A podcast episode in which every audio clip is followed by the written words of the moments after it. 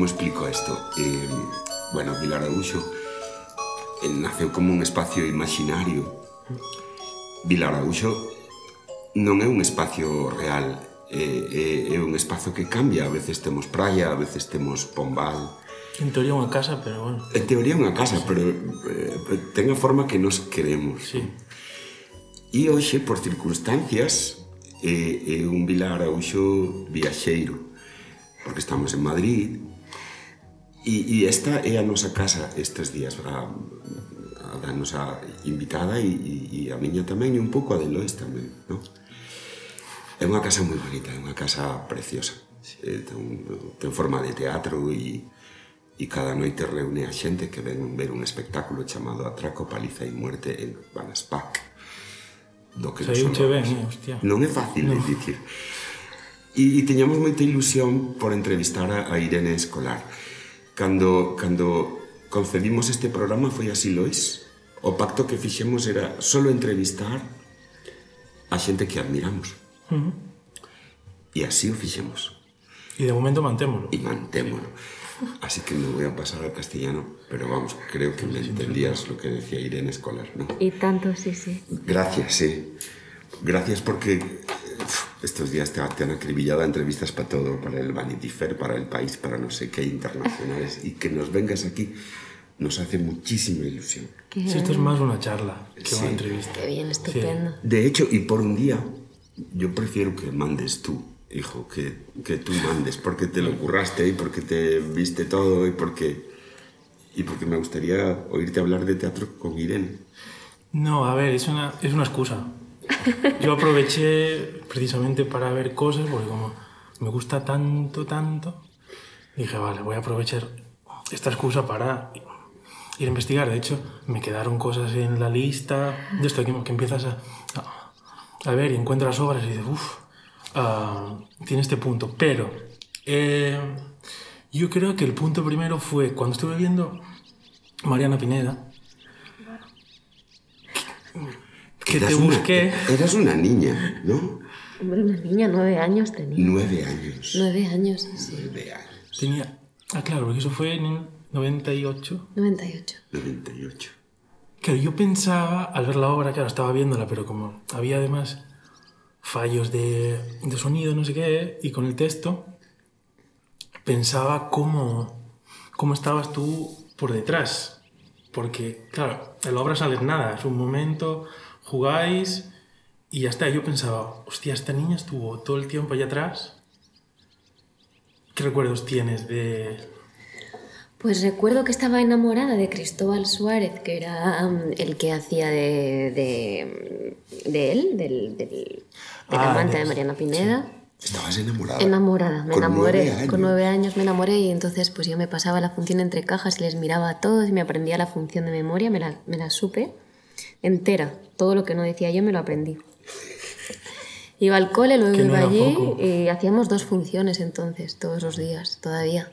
Wow. hostia, Y, y yo era feliz, la verdad, muy feliz. Recuerdo el poco, el vago recuerdo que tengo es que era muy feliz. Y, pero fue tu primer amor, Irene. Ese. Cristóbal, que siempre he sido muy si enamoradiza, se no puede te creas. considerar en el cole ya. No, era, yo estaba, era un amor platónico, Ah, vale, vale, vale. vale. totalmente platónico. Él era mucho mayor que yo y yo estaba solo en, en- Embobada. embobada. Sí.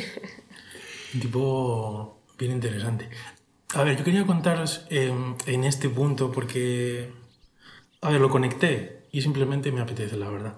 Que es que cuando mi hermana tenía 10 años, esa edad, más o menos, cuando cumplió justo 10, que mi hermano ahora tiene casi 19, pero bueno, Su hermana, que no es mi hija.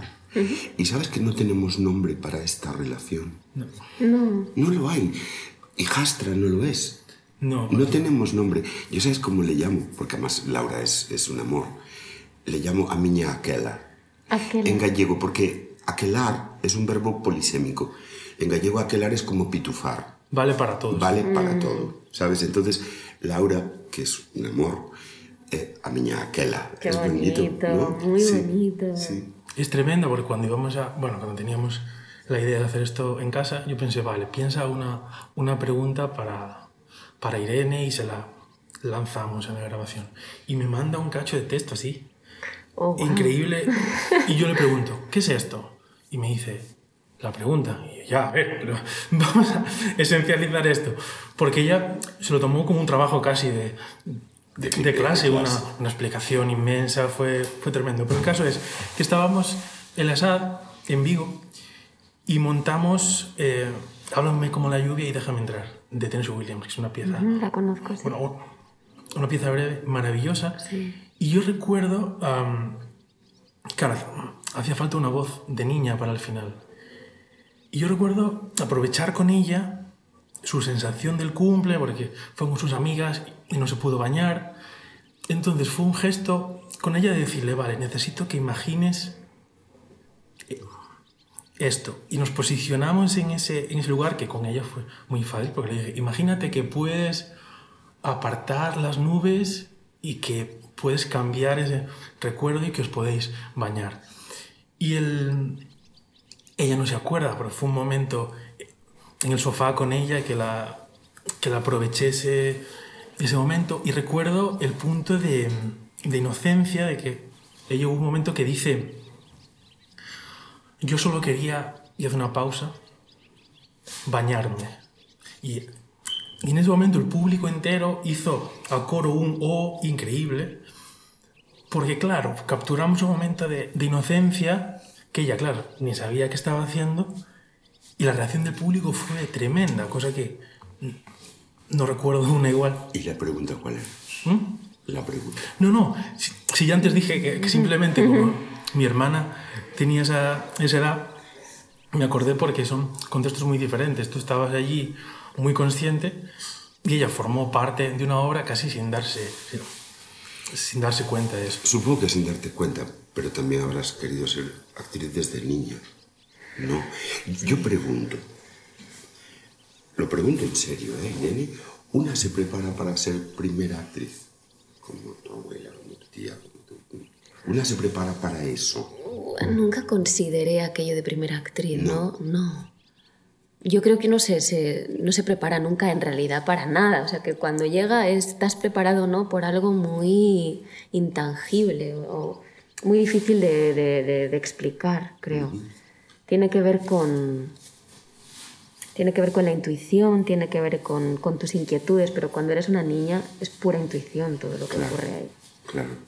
Y un deseo muy grande de estar ahí. Yo no lo dejé ser actor de niño. ¿No querías? No me lo, y me lo pidieron, ¿eh? En una serie en Galicia. Muy famosa además. Sí, pero no- su madre y yo no estuvimos de acuerdo, fíjate. Porque lo de la tele, claro, teatro supongo que es distinto, pero lo de la tele a veces pone a los críos muy tontos. Sí. Muy tontos, ¿no?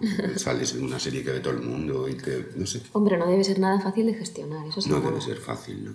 Parece que es complicado eso, pero yo tengo un recuerdo muy fijo de un... Había un momento de un espectáculo suyo que yo me iba siempre porque él lloraba Sí, y no le yo- gustaba. Yo, lo pasaba fatal. Y en unos tiempos yo quería ser actor, pero me di cuenta de que no tenía la distancia suficiente como para tener una perspectiva para eso que hace falta. Cuando pasó, por ejemplo, lo de Heath Ledger, que es un ejemplo muy tonto, pero yo pensé, yo sería de esos. O sea, de esos locos que al final se encierra y que no sabe diferenciar lo que es la vida del mundo, del, del personaje. Y cuando me di cuenta dije, no, no, yo estoy muy bien dirigiendo, escribiendo, porque no... Eso sí me permite esa distancia. Pero viendo la obra Mariana Pineda yo pensaba, porque claro, hay como un patrón en tus personajes, eh, que bueno, no lo es, pero sí de mujer valiente que se atreve a decir cosas que en general no se dicen. Y hacer, Sí, también. ¿No? Ambas cosas. Y yo pensaba si el hecho de Mariana Pineda mismo era así, si eso influyó en, en algo, porque es como que zarpa un barco, aunque no sepas bien hacia dónde va, y quieras que no parece que te, que te marca. No, ni mucho menos. Mariana Pineda fue puro juego. Fue... Juego, intuición, diversión, reafirmar de que, que eso no era solamente una, una, una, un- una tontería de una niña, ¿no? que, que estaba habituada a verlo en su casa, sino que realmente todo lo que implicaba a nivel de esfuerzo, compaginándolo con el cole y las giras y estar ahí todos los días era algo que yo quería, era una constatación más bien, así lo fue. Pero lo has arriesgado mucho y te has atrevido mucho. Lois me contaba de un personaje que has hecho con Rigola, que era una, una chica que básicamente se masturbaba. Bueno, sí, en un momento dado ocurría eso, sí, luego eran muchas otras cosas, la función y tal, pero sí que es verdad que aquello fue una locura. Muy atrevido, ¿no? divertido, sobre todo divertido y arriesgado, sí. Sí, Blackbird es aún más arriesgado. Yo cuando la vi me quedé, no sé si fascinado o en shock, pero me quedé como, ostras, yo esto no tengo que asimilar. Oye, Hombre, sí, porque Blackbird es un texto muy controvertido y muy duro, muy, muy duro. Y me quedé con la duda, la que, la que lanza el pájaro, ¿es un personaje o no? No se sabe. El pájaro se estrella. Ah. Como ella, que se estrella con la vida, ¿no? Y Lorca. Queríamos llegar a Lorca, era inevitable pasar por la estación de Lorca, ¿no? en, las cosas que llevas hechas y, y, supongo que en todos y todas las que hacemos teatro en, España, Lorca, Lorca, ¿no? Esa asignatura pendiente de este país. Aún pendiente, Aún. Vamos, te lo contaba Irene el otro día, que fui a llevarle unas flores a Lorca y tuve que saltar la valla para ponérselas. Hay como un odio aún, una, una, cosa, un resquemor, ¿no? Que fuera de, de, España no se entiende esto.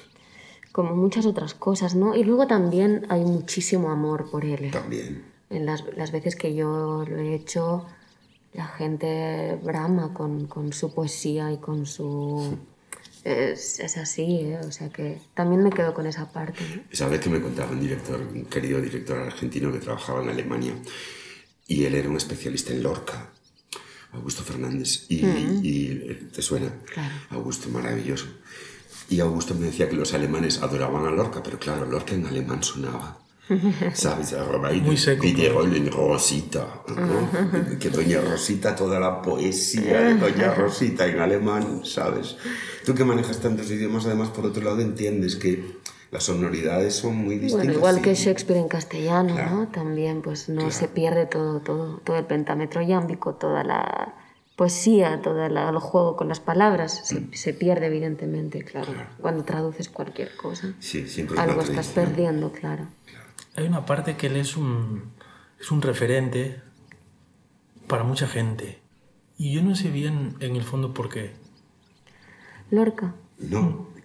Sí. Sí, sí, Lorca, claro. Hombre, no sé, a ver. Un referente, y no es un referente, yo creo, de alguien que. Bueno, que, que también fue muy valiente, ¿no? Y que, y que luchó por, por, por encontrar el artista que quería ser, la persona que quería ser eh, en un momento y en un lugar, salir de Granada, enfrentarse a su familia, muchas cosas preestablecidas, ¿no? Y, y, de, y, de, y, siendo un ser de luz del que todo brotaba, ¿no? La música, la poesía, el teatro, todo. Em, era, era, brotaba de su piel, ¿no? Y supongo que también es un referente por cómo era él, su manera de ser. Creo que era plenamente luminosa, que él entraba en un lugar y se hacía la luz. O sea, había algo en él que era divertido, eh, brillante, rápido, inteligente, muchas cosas muy, muy atrayentes. Y, se fue por España con la barraca. No sé si lo has dicho porque yo he salido un momento. Que se fue, sí, sí. Sí, sí, no sé, fascinante. Te hemos pedido tres músicas y, oye, yo no conocía ninguna de las tres, me, quedé loco. ¿eh? Y mira que controlo de música, ¿eh? que he trabajado en la radio muchísimos años y, tengo como una especie de, de, ordenador. Tremendo, además. De música en la ¿Y, cabeza. ¿Y ninguna de estas tres? Ninguna de las tres. Bueno, la tercera sí, porque es una música de una peli, ¿no? A mí me suena, no sé de qué, de escuchar una versión en una peli o algo así, pero no sé bien cuál, estoy pensando como... Nos quedamos locos los y dos. No lo encontré. Los dos, las oímos, claro. Y la, la, la primera que, no, que, me, que me enviaste además era la de este señor Lavi Cifre. Lavi Cifre, no sé si se dice así. no o Lavi Cifre, o no sé. ¿Sí? No, ¿cómo se llama el hombre este? Sí. Livi. Livi. Oh, perdóname. Livi Cifre. Bueno, eh, luego me, me puse a escucharlo y la verdad es que es muy bonito, pero es una cosa como de los años 70, Sí. es de mi época. Sí, Y es alegre. Es bonito. muy alegre, sí. Sí, no, no lo controlaba, pero bueno,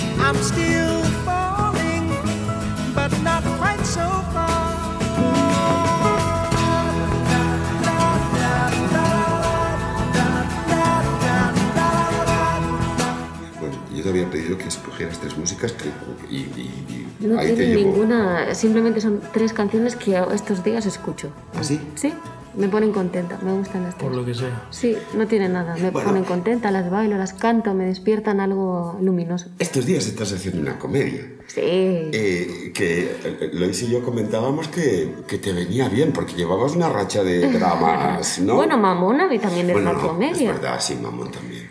Mamón Yo no la también vi es en- en el teatro, pero bueno, en Claro, la escenarios. viste en escenario. Yo estoy aquí por culpa de Mamón. Bueno, por culpa de este mamón, porque, porque es verdad y lo siento, porque, eh, siento mi, mi- mi- mi des- desconocimiento. No conocía a Marcel y a, y a Nao. Me he quedado prendado de, de su trabajo y del tuyo también, porque eh, entiendo que os entendáis muy bien, ¿no? Porque os jugáis la vida y un poco. eh, es eso, un poco, ¿no?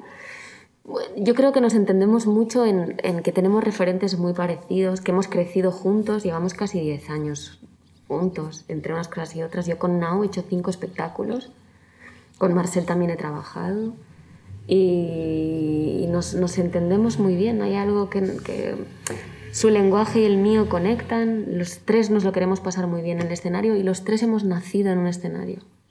Porque al final empezamos muy jóvenes los tres ahí y hay algo de Sí, que nos entendemos. ya cuando era niña también Sí, actuaba. ¿no? Sí, con sí. Rigola Sí, también, con el que yo Mario, es que trabajaba. recordaba a Nao Albet ya de niño mirándolo todo, con unos Sí, ojos muy sí. grandes así, y sigue siendo un niño que lo mira todo. Todo, todo, y que luego lo miran y lo pasan por ese cerebro privilegiado Sí. y esa capacidad explosiva que tienen de, de creatividad. ¿no? Son tremendos.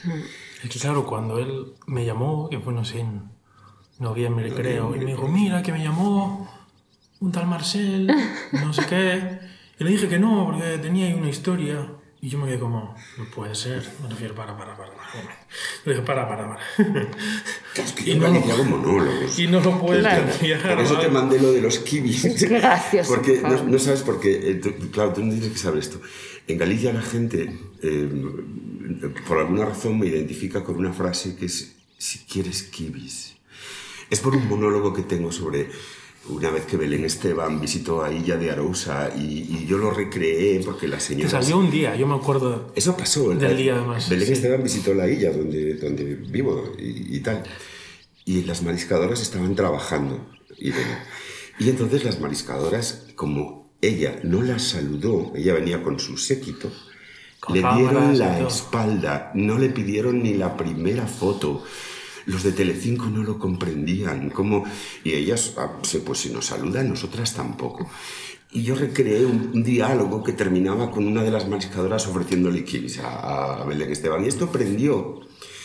Y el otro día, cuando vi en una revista que tu desayuno es normalmente con kiwis, digo, "Pues le voy a ofrecer a no había caído. Qué Irene. gracioso, qué gracioso eres. ¿Sabes?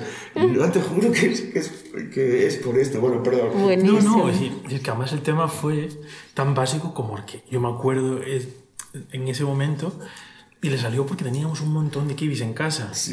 Muchísimos, no sé por qué. De esto que te traen, te traen bolsas y le, y le salió por eso.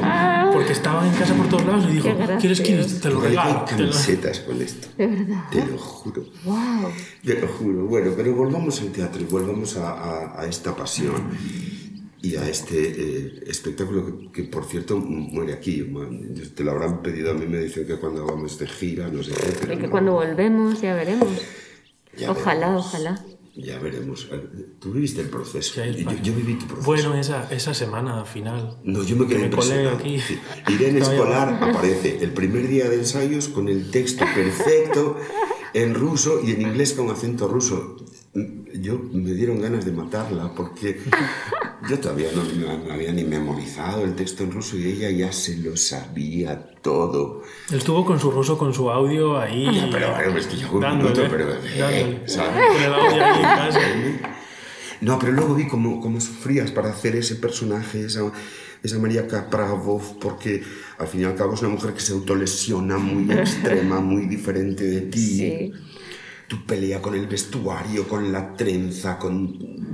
Bueno, podíamos. que- Era un personaje que puede ser de tantísimas maneras diferentes, de tantas, tantas, tantas, que dar con. escoger un camino, había que probarlo un poco todo, pero ha sido muy divertido. Yo me lo he pasado muy bien con ellos, probando. Esto sí, por aquí sí, por aquí no. Vamos de vuelta, ahora vuelta, ahora y ahora y sigue. Y de pronto de todas las piezas encajando hasta el último día, porque fue el último día que dimos con los tatuajes, que dimos con el vestuario, que dimos con todo. Y yo ya lo probé con el público, pero es un personaje que también se construye con la gente y cómo yo pueda estar de controladora y de por encima de ellos, que es muy difícil también. Es complicado, sí. Sí, tienes que estar muy tranquilo. muy tranquilo. Sí, tienes que estar muy tranquilo. Ya ves, por eso yo me tropiezo. Y observar. ¿Eh? No, no, y observar. Que llegas ahí y te plantas como, vale, a ver, analizando como todo el panorama. Está guay. Eh, yo tenía por aquí apuntado, que igual es una tontería, pero si te dieran a elegir un personaje a repetir de todos los que, los que llevas,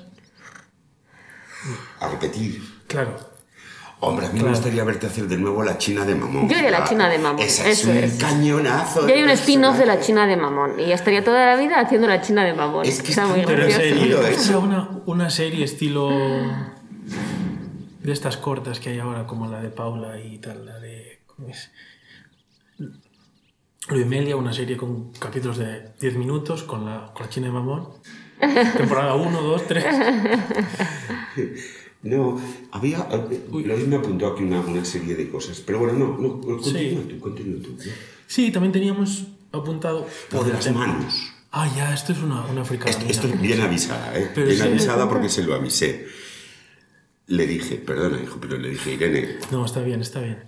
que Lois se vio todos tus vídeos y ve cómo te cargas de energía en las manos, ¿no? Cómo la energía, por ejemplo, de Nao dice, parte del pecho y a ti, por observación, ve cómo cargas, es así, ¿no? A ver, esto viene de un momento viendo Hermanas, que a mí me marcó un montón.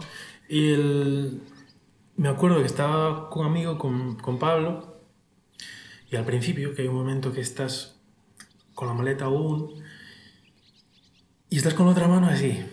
Así, no, esto, esto es radio, ¿eh? Así, o sea, no te con un ya. O sea, con una mano, digamos, temblor. inquieta, sí, con, con un temblor.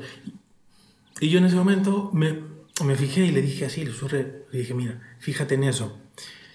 Y al ver eh, Blackbird al principio, que te vi que estabas gesticulando, como frotando las manos, y vi lo que te pasaba, dije, esta mujer igual no es consciente, pero se apoya ahí para como alimentarse, como una forma de, gestionar sin llegar a controlarlo mentalmente y condicionar lo que está pasando. Pero claro, fue un flash que me pasó viendo eso porque se me volví al momento ese en, en Hermanas. Pues qué observador, ya, la verdad, yo no era consciente, ahora que me lo dices, pues seguramente sí, seguramente sí, es, y es, es profundamente incontrolable, ¿no? no es nada premeditado que sale, sino que sale solo. Porque eh, de Irene sí se comentan muchas cosas. Una de ellas es, es la intensidad, ¿no? No sé si se Yo comenta creo que así. sí. Yo creo que sí. La intensidad, Sí, la intensidad, el, el- la- el poderío, no sé cómo decirlo. ¿Cómo se dice esto? No sé, yo creo que la, la capacidad para, para tocar eh, verdades. Yo lo pensé también viendo Oleana, que me gustó mucho. Y la capacidad de estar en, en ese estado que alguna gente, esta palabra tan manida que es orgánico, que nadie sabe qué es, pero es un tópico como, como teatral. Yo no sé si es porque cuando, a ver, le pasa a, a músicos o así, que cuando, cuando empiezas tu trabajo muy hacia, hacia, hacia el principio, hay como un filtro que no tienes, que a ti también te pasa, porque empezaste en la radio, ibas a concursos de, Sí, de, de radio, sí, con, claro. eso es lo mejor, el no filtro es lo Claro. mejor, es lo mejor. No tener, hay un punto de no tener filtro que es lo que te da más, máxima libertad y eso también pasa por no estar pendiente de lo que dicen los demás. Por eso yo intento no saber qué, qué- qué piensan, porque si no uno, uno se puede perder ahí, ¿no? Y, y dejar de seguir su propia intuición. Al final, si todos pudiéramos... ¿Por qué pasa con los niños? Cuando ves a un niño trabajar, ahí no hay más que, que su corazón y su, y su mirada limpia, ¿no? No hay detrás, no está invadido de inseguridad o de miedos o de, o de cosas, ¿no? Sino que se deja sentir realmente. Eso es lo que se pierde con la edad y lo que uno yo o yo intento mantener. Pues yo sé cómo me miras en la caja fuerte. Y a mí me da mucho miedo. Eh, nos pediste una segunda canción. Y nuevamente yo me quedé sin saber. Eh, Cat Power sí que la tienes que conocer. no, te juro que no, ojo. Es una Qué cantante maravillosa y poeta y todo. Y es tiene una- mucha fuerza. a Cat Stevens. Eh, bueno, yo también, me encantaba. ¿cómo se Mis padres me, me- me hacían escuchar mucho a Cat Stevens Es que y me mola mucho encantaba. Cat Stevens. Sí. Pero Cat Power no, jo, qué rabia me da. ¿Tú conocías? No, tampoco. Pues, Pues, mira. pues Claro, que en este caso es bastante descubro. fácil porque si él no lo conoce después por extensión, yo hay bastantes cosas, pero hay mucha Bueno. cultura musical que viene de Claro, padres. claro. Yo he normal. presentado y me, or- me orgullezco de esto a Caetano Veloso. Bueno, y tu madre igual. Y, y has mamado Caetano Veloso. Sí, y, en Vera, y- sí. y mucha música, Música. portuguesa, ¿sabes? Eh, eh, bueno, es otra onda diferente, pero bueno, as- así suena. Cat Power. Mother, I know your face. Father,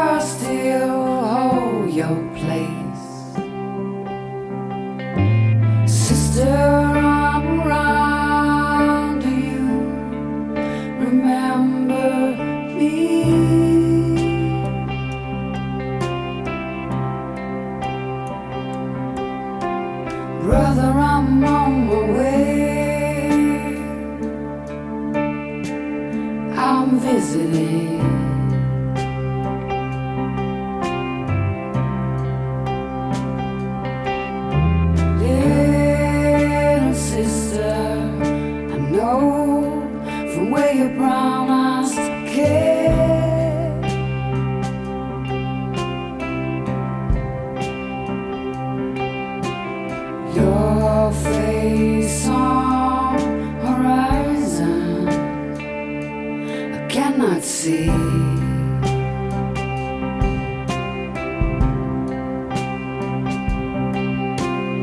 Your face on horizon I cannot see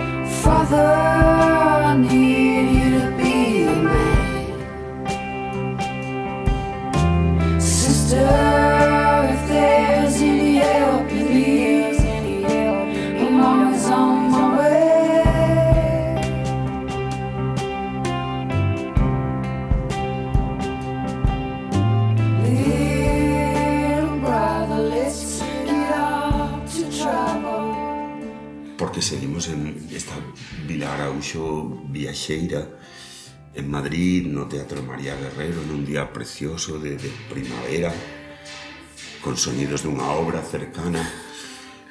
Non, Sí, parece que entra a primavera estes días, verdad? non sei se era Dani De Vito que cando veo a Madrid estaban en obras e dixo, bueno, espero que encuentren el tesoro alguna vez.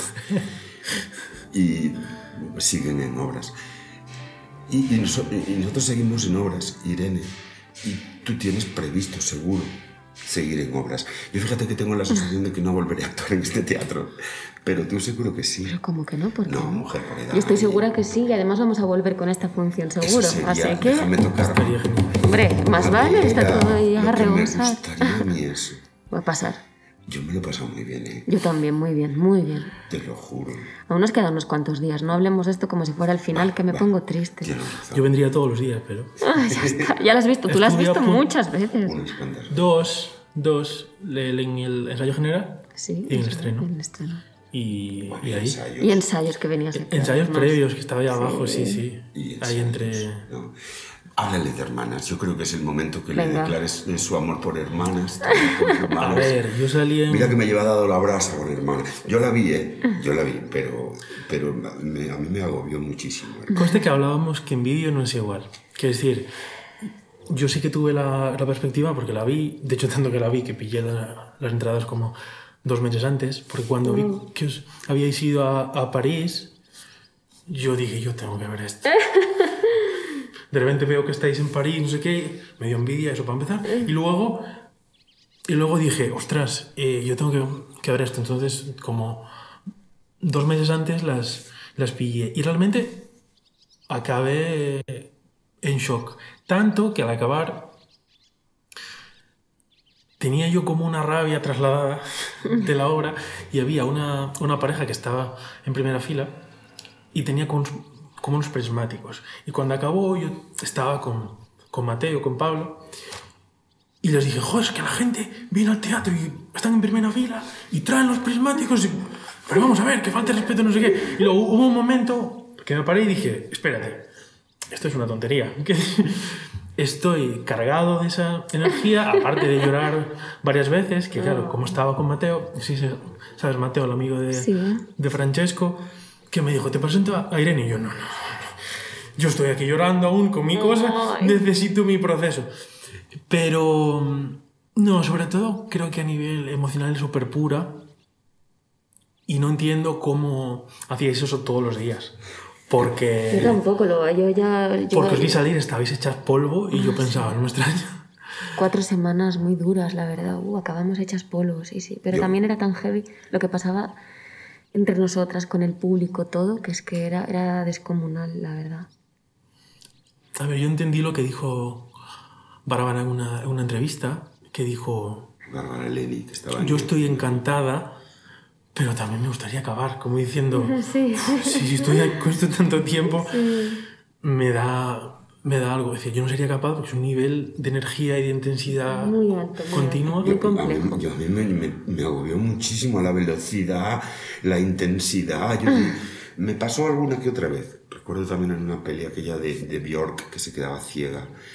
La, la de, la, la del danés este Lars von Trier, Bailar en- bailando en la en la oscuridad, oscuridad. que me pasó como con hermanas, que era tan, tan fuerte que no sabía si parar, ¿sabes? Si era capaz de seguir. No sé si te ha pasado eso alguna vez, de, de- de- Sí, de estar eso, sí, sí, fascinada. pero no puedes, no puedes porque te están llevando un límite con- que- contigo y no puedes ver más, sí.